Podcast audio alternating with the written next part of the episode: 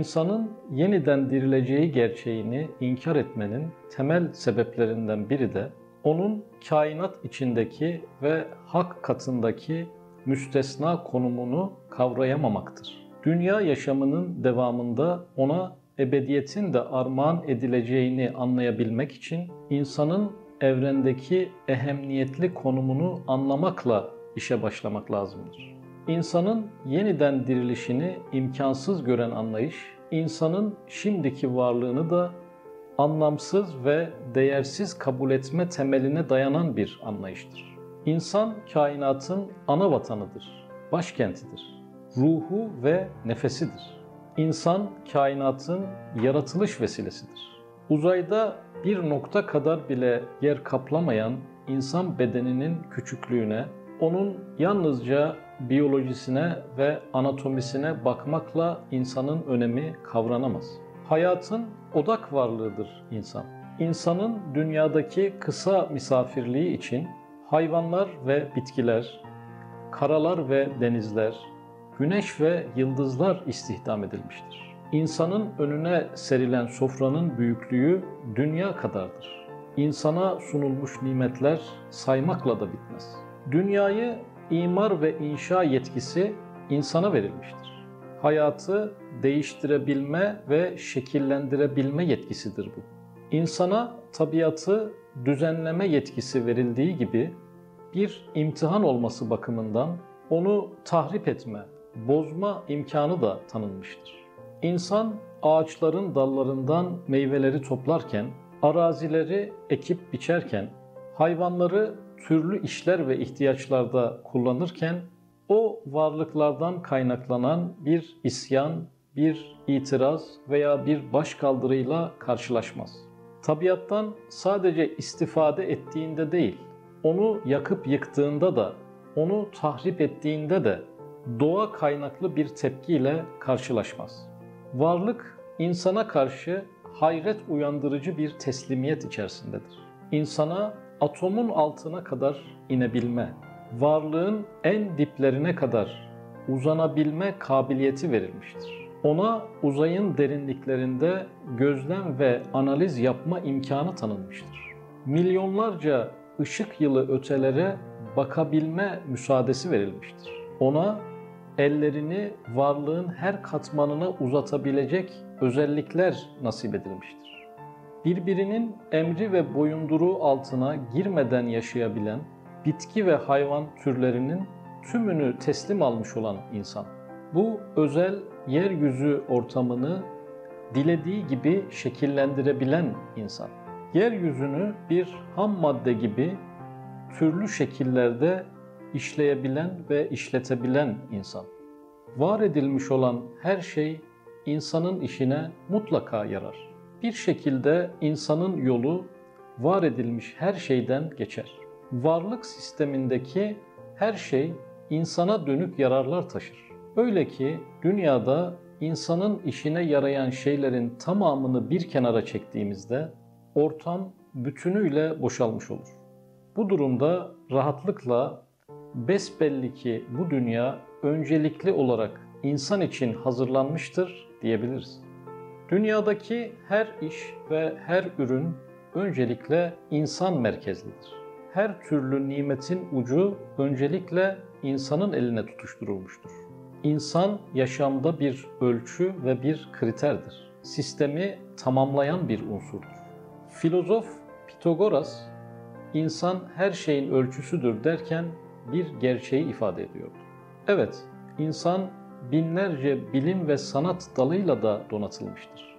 O özel ve seçkin bir varlık olduğunu üretim ve eserleriyle de ispat etmiştir. Yaşamın insanın hizmetine verilmiş olması onun yaratıcısı katında büyük bir makama sahip olduğunu gösterir. İnsanın yaratıcısı nezdindeki yeri pek büyük olduğu için Allah dünya alemini insan için yaratmış ve bunu insana bildirmiştir. Bakara suresinin 29. ayetinde o yeryüzünde ne varsa hepsini sizin için yarattı buyurulmuştur. Aynı hakikat İbrahim suresinin 32., 33. ve 34. ayetlerinde, Casiye suresinin 12. ve 13. ayetinde ve Haç suresinin 65. ayetinde tekrar dile getirilmiştir. Evet, kainat sarayının en özel misafiri insandır. İnsandan başka hiçbir varlık dünya nimetlerinden insandan daha fazla yararlanamaz. İnsan kainat müzesinin şaheseridir, başyapıtıdır. Kainat müzesinin ana hedefi insan eserini sergilemektir. Dünyadaki diğer bütün eserler de insanı bu müzede daha yoğun, daha iyi ve daha belirgin göstermek için ve insanın kendisini sergilemesine zemin hazırlamak içindir. Mü'minun suresinin 14. ayetinde insanın yaratılışından bahseden ayetlerin "Fetebarakallahu ahsenul halikin" yapıp yaratanların en güzeli Allah pek yücedir buyurulması bu insan eserinin müstesnalığına vurgu içindir. Tin suresinin 4. ayetinde biz insanı en mükemmel kıvamda yarattık buyurulmaktadır. İsra suresinin 70. ayetinde de ant olsun ki biz Adem oğullarını üstün bir şerefe mazhar eyledik buyurulmaktadır. Evet, insan yaratıcısının kendisini hangi sebeple yarattığı üzerine düşünebilen bir varlıktır. Kainatı ve içindeki diğer varlıkları hangi sebeple yarattığını kendisine bildirdiği bir varlıktır. Bu küçük insanın devleştiği, kainat kadar büyüdüğü nokta ise Allah'la olan ilişkileridir. İnsan varlıklar arasında konuşmasıyla üstündür. Düşünmesiyle üstündür. inanmasıyla üstündür. Ama en çok da ebediyete namzet bir varlık olmasıyla üstündür. İnsanın değerini ortaya çıkaran, onu yücelten şey onun bir ebediyet varlığı olmasında yatar. İnsanın fani olduğu düşüncesi ise insanı sonsuz küçülten ve değersizleştiren yanlış bir bakış açısıdır. Ahiretin varlığı insanı avare bir varlık konumundan vazifeli ve mukaddes bir yolcu mertebesine yüksel. Ahiretin varlığı sayesinde insan kainatın seçilmiş ve bahtiyar sakini yaratıcının en sevdiği ve en makbul misafiri konumuna yükselir. Öteki türlü düşündüğümüzde yaşam ve insan en büyük çelişki haline gelir. Ve akla şu can alıcı soru gelir. Farz edelim ki hayatın en odak varlığı olan insan bitimlidir. O halde insana yönelik nimetlerin bunca geniş ve bunca şatafatlı olmasının anlamı nedir?